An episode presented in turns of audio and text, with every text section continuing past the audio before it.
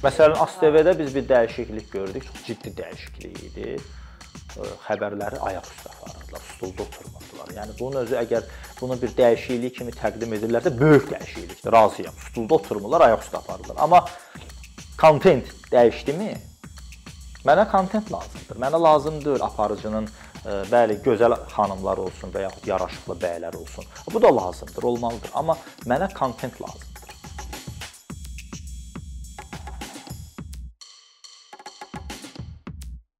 Elə əvvəlcə bundan başlamaq istəyirəm ki, siz sizin bir yazınız var idi. Hansı ki, mən onu tələbə olanda oxumuşdum. Qabiliyyət imtahanlarını bir qədər orada təhlil edirsiniz və analiz edirsiniz ki, qabiliyyət imtahanları jurnalistləri hansı jurnalistləri, hansı abituriyentləri fakültəyə cəlb eləyir və bunun önəmi nədən ibarətdir ümumiyyətlə. Və mən orada bir neçə məqamla doğrudan da sizinlə razılaşıram və həmin dövrdə qabiliyyət imtahanı verən bir tələbə kimi də mənim də belə deyək də o sızlayan yarama bir toxunmuşdu. Siz düşmüşdünüz də o imtahanların hə, hə, növbət bərpa olunan vaxtına. Bəli, bəli və sizin orada qeyd etdiyiniz mövzular məsələn mənim imtahan verdiyim mövzular idi. Ona görə mənim çox xüsusi bir əhəmiyyəti var idi. Və bilmək istəyirəm ki, siz necə düşünürsüz? Qabiliyyət imtahanından sonra fakültədə nələr dəyişildi və qabiliyyət imtahanlarının məqsədi olan o həvəsi, jurnalistika həvəsi olan tələbələri cəlb etmək, buna nail ola bildimi həmin qabiliyyət imtahanları? Çox təşəkkür edirəm. Çox ciddi və aktual bir məsələyə toxunmusunuz. Qabiliyyət imtahanı Sovet dövrünün məhsuludur və təəssüflər olsun ki, 21-ci əsr müstəqil Azərbaycan jurnalistikası təzədən qayıtdı o dövrə. Biz görmüşük ki, biz daha irəli getməliyik. Amma bu məsələdə biz qayıtdıq Sovetlər dövründə və mən deyərdim ki, çox uğursuz bir metoddur. Birincisi biz jurnalistikaya yanaşmanı dəqiqləşdirməliyik. Hələ də biz dəqiqləşdirə bilməmişik ki, biz deyəndə mən daha çox nəzərdə tuturam jurnalistika fakültəsində dərs deyən müəllimləri və bu imtahana qərar verən şəxsləri, qərar vericiləri. Jurnalistika yaradıcılıq sahəsi deyil. Biz heç nə yaratmırıq, heç nə düzəltmirik. Jurnalistika ə, rəssamlıq deyil, jurnalistika incəsənət deyil, heykəltaraşlıq. Biz heç nə yaratmırıq. Biz sadəcə olaraq jurnalist nəzərdə tuturam. Jurnalist mövcud nə varsa onu cəmiyyətə göstərəndir. Faktı hadisəyə çevirən şəxsdir jurnalist. Biz heç nə yaratmırıq. Bu qabiliyyət imtahanı da ə, e, jurnalistikadan başqa hər şeyi ölçür. Yaradıcılığı, publisistikanı və s. və laxır. Jurnalistikanın əsasını fakt təşkil edir. Fakt. Qabiliyyət imtahanında isə bir abstrakt mövzu verilir. Tutaq ki, Bakı gözəl şəhərdir. Orda e, başlayır abituriyent özünün poetik duyğularını, hisslərini və həyəcanlarını yazmağa.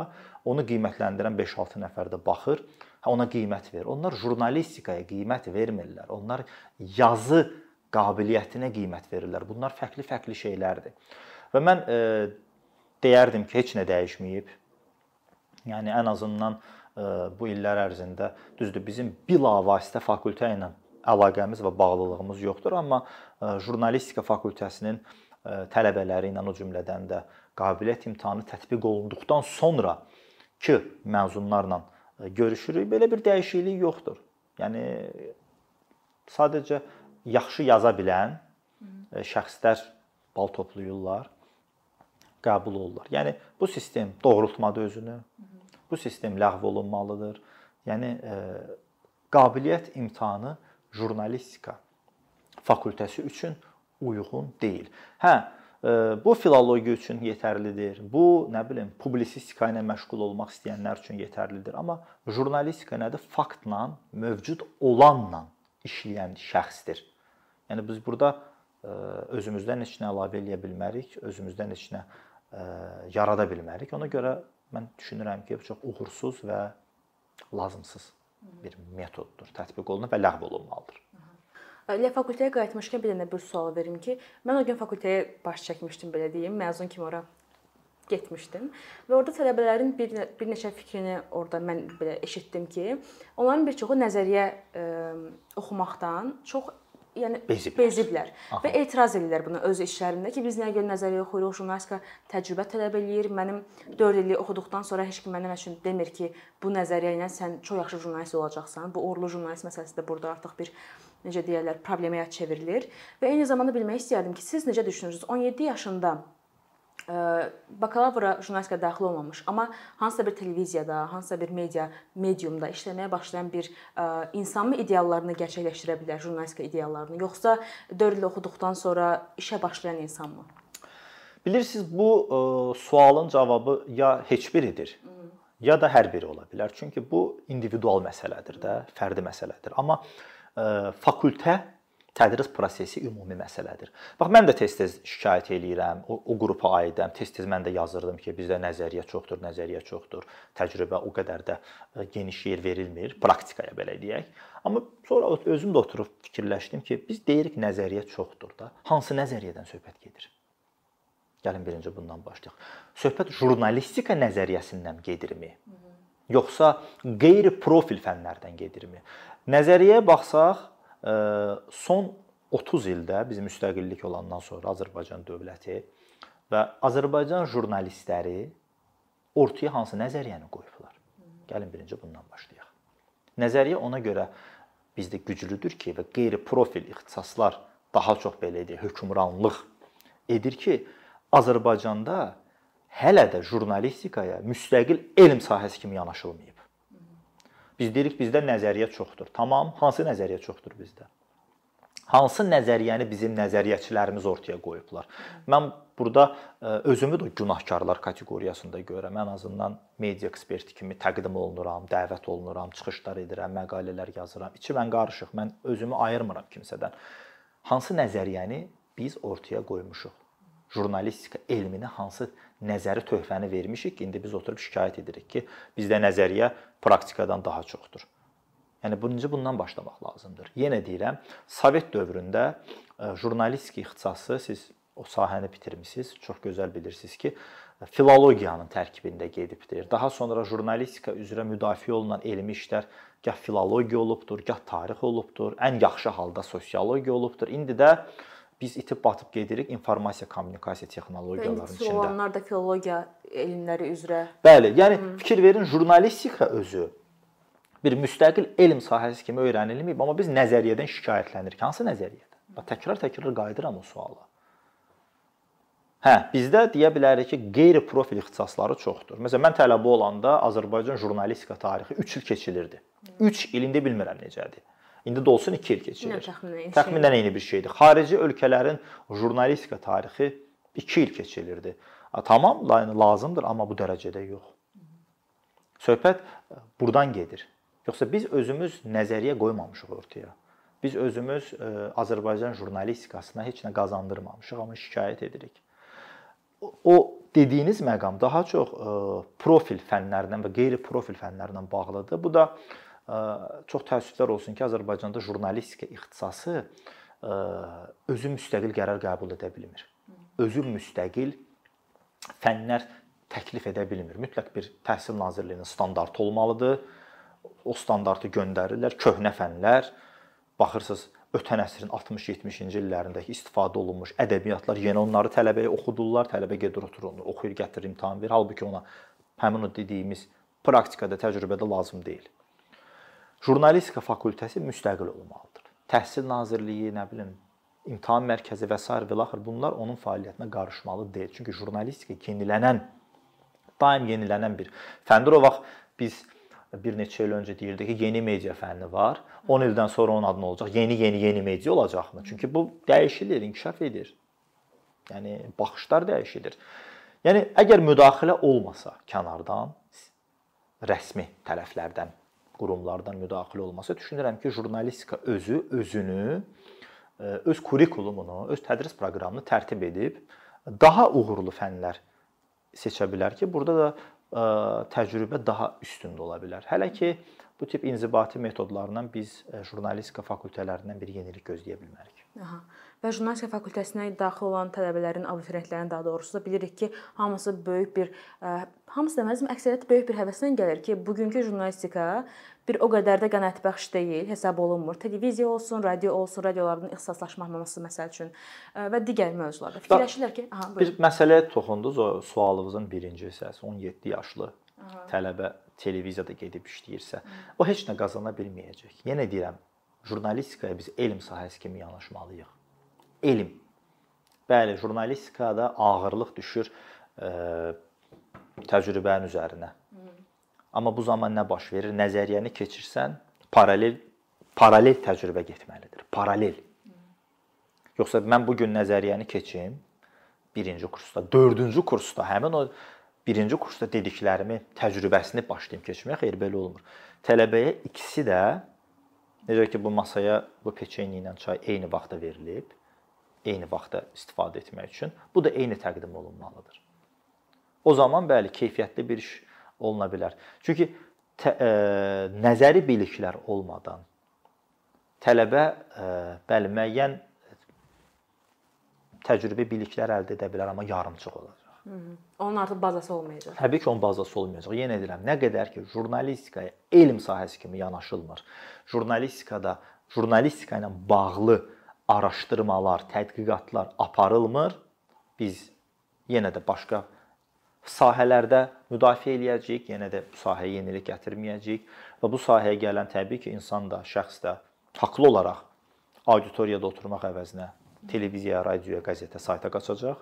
Amma orada da bilirsiniz, yarımçıq inkişaf olacaq da. Siz düşünmürsüz ki, bu qlobal bir problemdir? Çünki baxırıq tutaq ki, jurnalistikanın magistr üçün təhsil xarici ölkələrdə təhsillərinə baxırıq. Bəzisi Master of Arts yazır, bəziləri humanitar fənlərin tərkibində gedir, bəzi bəzi yerlərdə, bəzi universitetlərdə sosial elmlərin tərkibində gedir. Yəni jurnalistikanın siz dediyiniz kimi elm kimi ə, e, təqdim olunmaması, elm kimi özünü necə deyim, insanlar sübut edə bilməməsinin səbəbi düşünürsüz ki, yəni sizcə də qlobal bir şey deyilmi? Xaricdə jurnalistika kimi daha çox getmir communication gedir. Aha, bəli, media communication. Və mass media gedir, Hı. kütləvi belə tərcümə eləsək media. Orda jurnalistika artıq bunların içində əriyir. Sözün belə yaxşı mənasında əriyir. Orda ə, e, Master of Arts və yaxud da başqa bir ə, e, məsələ desək, bu artıq kommunikasiyanın içində gedən bir şeydir. Daha çünki yenə deyirəm, axı jurnalistika inkişaf eləyir, böyüyür, genişlənir, yeni trendlər daxil olur və bu trendlər artıq jurnalistikanı aşır jurnalistikanı aşır. Yəni jurnalistikaya artıq e, təkcə yazı və yaxud televiziyada aparıcı və yaxud diktor yetişdirmir. O cümlədən də həmin o hazırladığı məhsulun ictimaiyyətə çatdırılmasında, cəmiyyətə çatdırılmasında kommunikativ bacarıqlarını da öyrədir. Yəni fikir verin, haçalanır. Yəni bizdə və yaxud da postsovet ölkələrində, o cümlədən müəyyən Şərqi Avropa ölkələrində e, jurnalistika ixtisası yalnız yazmaq, çəkmək, filan bununla bacarıqları aşılayırsa, qabaqcıl qərb ölkələrində bu artıq auditoriya ilə işləmək bacarığını da öyrədir ki, o hansı vasitələrlə öz məhsulunu satmalıdır. Çünki fikir verin, biznesi də öyrədir. Biznes öyrədir. Hazırladığın məhsulu satmaq və satdığın məhsulun məhsul pul qazanmaq belə kobud ifadə eləsək. Ona görə həmin o dediyimiz Qərb ölkələrində, Amerikada və Qərbi Avropada həmin o e, Master of Arts, Science, Social Science və sair və axır bunların içərisində gedir. Çünki orada jurnalistika təkcə jurnalistika öyrədilmir. Qlobal. Orada kommunikasiyada insan psixologiyası öyrədilir. İnsanların psixologiyasına təsiri, hətta ə, e, belə də biraz xoşa gəlməz olsa da manipulyattiv məsələlər orada tədris olunur. Orada jurnalistikanın təkcə yenə deyirəm, yazmaq, pozmaq məsələsi deyil yazdın. Sən artıq yazanda düşünürsən ki, bu nə dərəcədə insanlara təsirli olacaq. Həmin o təsir mexanizmlərini öyrədirlər. Daha geniş yanaşırlar. Fikir verin, elmi yanaşırlar buna və bunu da həmin o qərb qərbi jurnalistlər, inkişaf etmiş ölkələrin jurnalistləri öz praktikalarında tətbiq etməyə çalışırlar. Çünki psixologiya məsələsidir bu. Təsir etmə və əmin etmə bacarıqlarını da öyrədirlər. Yəni ona görə orada bu sahə daha geniş tətbiq olunur, amma Orda artıq jurnalist hər tərəfli yetişdirilir. Həm bir psixoloq kimi, həm bir sosioloq kimi, həm bir qayıdıram xoşa gəlməzlik desək, manipulyator kimi. Yəni orada bütün bacarıqları həmin o jurnalistə belə deyək də öyrədirlər. Əvvəllər e, Sovet dövründə də var idi. Bu Sovet dövründə bunu müəyyən sistemlər görürdü. Elə Avropada da var idi. Amma bunu indi artıq bir nəfər eləyir. O bir nəfərə bütün bu zəruri bilikləri verirlər. Hı bu mövzu mənə gəlir ki, çox ümumiyyətlə e, təhlil olunur, çox belə müzakirə edilir ki, cəmiyyət jurnalistikanı günahlandırır ki, onlar Hı. bizim qarşımıza pis kontent verirlər. Bəli. Jurnalistika da cəmiyyəti günahlandırır ki, sizin baxdığınız kontent budur, biz ona görə sizə bunu veririk. Hı -hı. Nə düşünürsüz burdakı sizcə bu paralellər, bu ə, əlaqə, bu interaktiv necə baş verir? Bu nəyə görə bu? Belə deyək də kimdir müqəssir? A, kimdir müqəssir? Kinoda sonda deyir onu bağışlamaq olarmı? Yəni ikisi də günahkardır. Həm cəmiyyət günahkardır. Həm də ölkənin jurnalistikası günahkardır. Bilirsiniz, e, başlayaq jurnalistikadan. İndi biz təbii ki, özümüzü cəmiyyətdən biraz kənar hiss edirik bu media mənsubları. Bəli, mən ə, yenə qayıdıram bu çay peçenye məsələsinə. Mənə seçim verməmisiniz də. Mənə çayla içmək üçün peçenye qoymusunuz buraya. Yəni mən başqa seçimim yoxdur. Şokolad yoxdur ortada, tort yoxdur, amma bunu qoymusunuz. Düzdürmü? Mənim seçimim budur. Eyni şeydə biz qayıdaq mediaya. Biz də auditoriyamıza başqa seçim vermirik. Yəni Fikir verin. Azərbaycan televiziyalarının xəbərlər buraxılışına baxın. Bütün xəbərlər eynidir. Hətta hətta başlama saatları eyni. Kontent eyni. Hətta hətta xəbərlərin düzülüşü də eynidir. Yəni mən media menecer olaraq, televiziya rəhbəri olaraq Pəri xanımı axşam saat 9-da gəlir açır görsün ki, Azərbaycanda və dünyada nə baş verir. Bütün televiziya kanallarını fırlatmağına gərək yoxdur, çevirməyinə gərək yoxdur. Birinə baxsa hamısında eyni şey gedir. Biri fərqli bir şey təqdim eləmir. Bəli, ola bilsin biri hansısa rayonda üç başlı buzov doğulu filan bu fərqlilikləri yarada bilər. Amma ictimai maraq kəsb edən informasiyalarda Azərbaycan mediası mən niyə elektron televiziyanın, elektron medianın adını çəkirəm? Çünki daha çox təsir etmə bizdə hələ də televiziyadır, ənənəvi mediadır. Biz eyni xəbərlər bloku təqdim edirik. Yəni o zaman bəli, cəmiyyət haqlıdır ki, biz ona nə təqdim edirik, o da oturub ona baxacaq. Yaxşı məhsul versək, oturub yaxşıya baxacaq. Pis məhsul veririk, oturub pisə baxır. Bu həm də müstəqillik və azadlıq məsələsidir. Bu barədə biz sizin verilişlərdə əvvəl danışmışıq. Mənim çıxışlarım olub da tək vaxt itirməyək ona. Digər tərəfdən də cəmiyyətin e, belə deyək, günahı nədir? İndi belə günah biraz ağır ifadədir. Cəmiyyətin burada rolu nədir? Rolu nədir? Hə, belə yumşaldaq. Cəmiyyət də ona nə təqdim olur, onunla qane olur. Siz cəmiyyətin kütləvi bir etirazını görmüsünüzmü? Hə, cəmiyyət etiraz eləyə bilər ki, mən ASTV-yə baxmıram. Çox gözəl, baxmam, o davam eləyir axı. Sizin etirazınız ASTV-nin, ictimai televiziyanın, Space-in, Real TV-nin və yaxud bilmirəm kiminsə öz proqram siyasətinə bir təsirini göstəribmi? Yox, siz çox da deyirsiniz ki, mən onlara baxmıram. Heç onlara önəmli deyil, siz ona baxırsınız yoxsa baxmırsınız. Yəni cəmiyyət özü burada bir təpki ortaya qoyubmu? Bir məşhur misal var.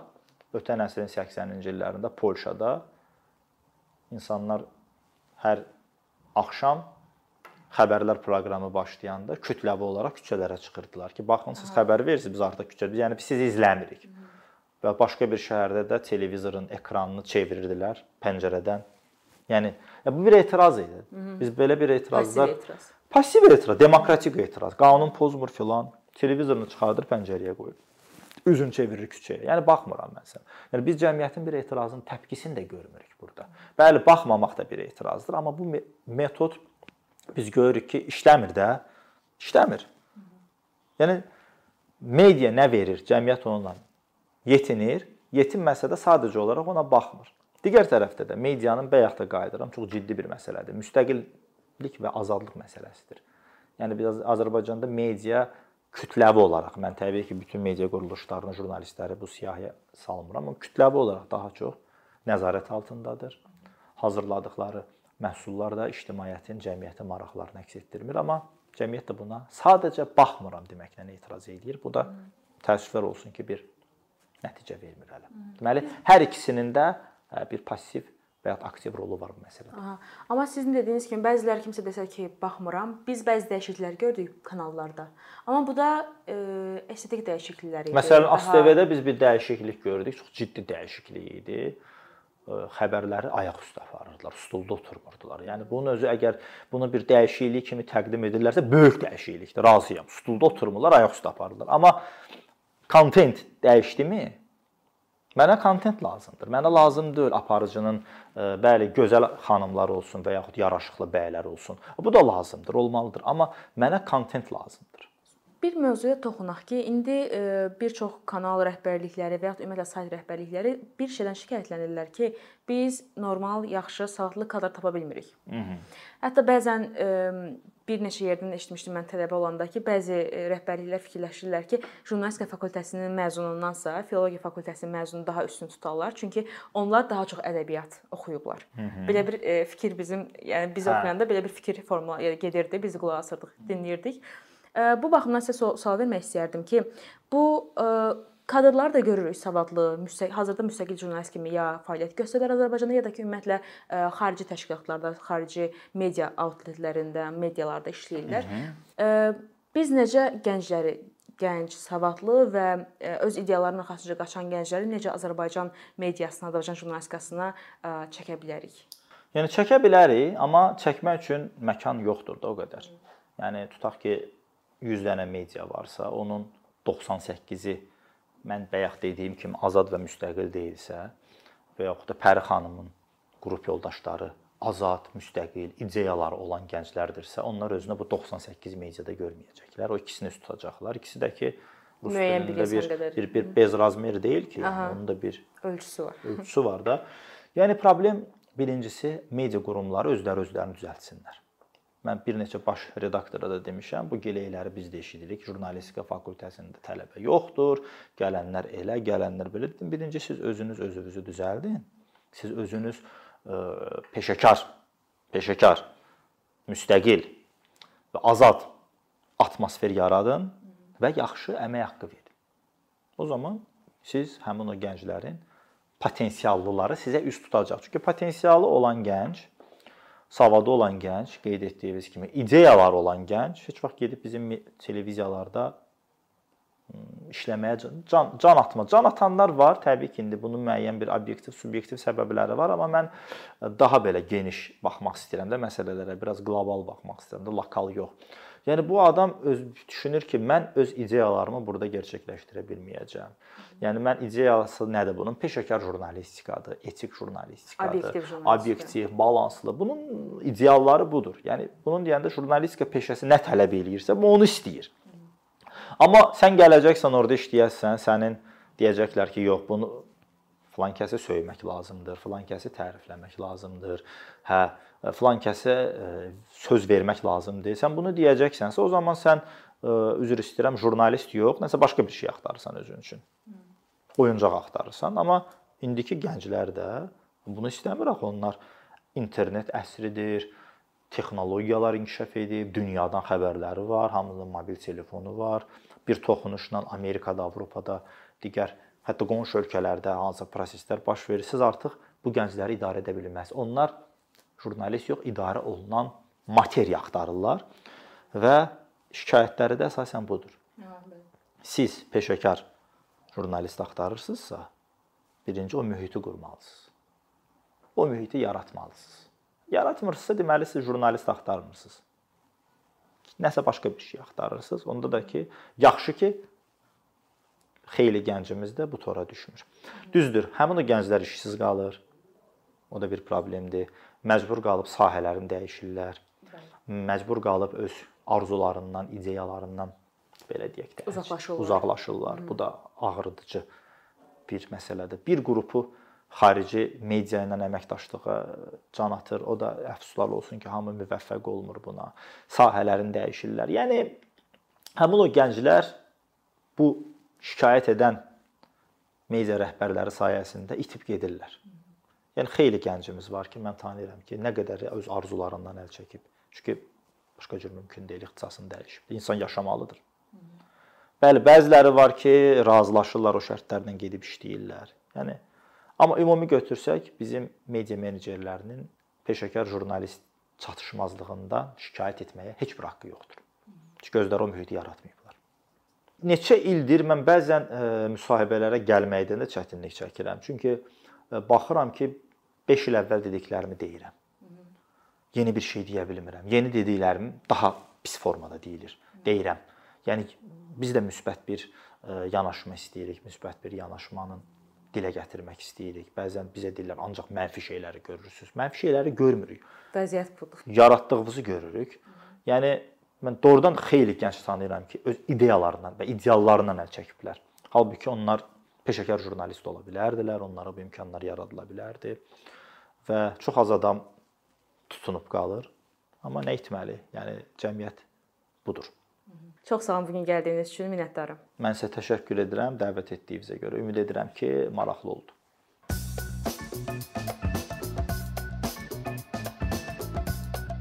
Bir neçə ildir ki, əkinçi olaraq Azərbaycanlı izləyicilərin hər zaman faydalana biləcəyi keyfiyyətli və ən əsas ödənişsiz kontent hazırlamağa çalışırıq. İndiyədək təqdim etdiyimiz onlarla animasiya və yüzlərlə çəkilişlər tələbələrin, mütəxəssislərin, müəllimlərin və ümumiyyətlə yeni mövzulardan xəbərdar olmaq istəyən çox sayda insanın marağına səbəb olub. Bu illər ərzində hazırladığımız videolar təhsil, texnologiya, ictimai fəallıq, iqtisadiyyat, gender bərabərliyi, ətraf mühit, ifadə ifadə azadlığı, hüquq, demokratik inkişaf, mədəniyyət və digər mövzuları əhatə edib. Məqsədimiz çoxlu baxış gətirən deyil, çoxlu fayda gətirən videolar hazırlamaqdır. Amma bu düşündüyümüz qədər asan deyilmiş. Gördüyümüz iş kifayət qədər resurs, əmək və təbii ki, davamlılıq tələb edir. Bu səbəbdən Patreon platformasından istifadəyə başladıq. Əkinçinin Patreon hesabının populyarlaşmasına çox böyük ümidlərimiz və gözləntilərimiz var.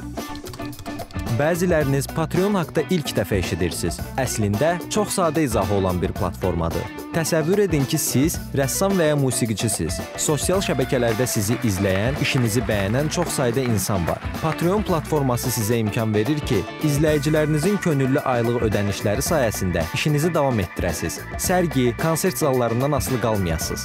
Amma bu təkcə rəssam və musiqiçilərə aid deyil. Məsələn, əkinçiyə bənzər fəaliyyətlə məşğul olan bəzi layihələrin 10 minlərlə patronu var. Biz də düşündük ki, nə üçün əkinçinin Patreon hesabı olmasın? Sizin dəstəyiniz sayəsində sayəsində biz daha çox və daha keyfiyyətli kontent yaratmağa davam edə biləcəyik. Amma bu dəstək yalnız maddi dəstək deyil. Dəstəkçilərimizin sayının artması gördüyümüz işlərin faydalı olduğuna dair əminlik verir.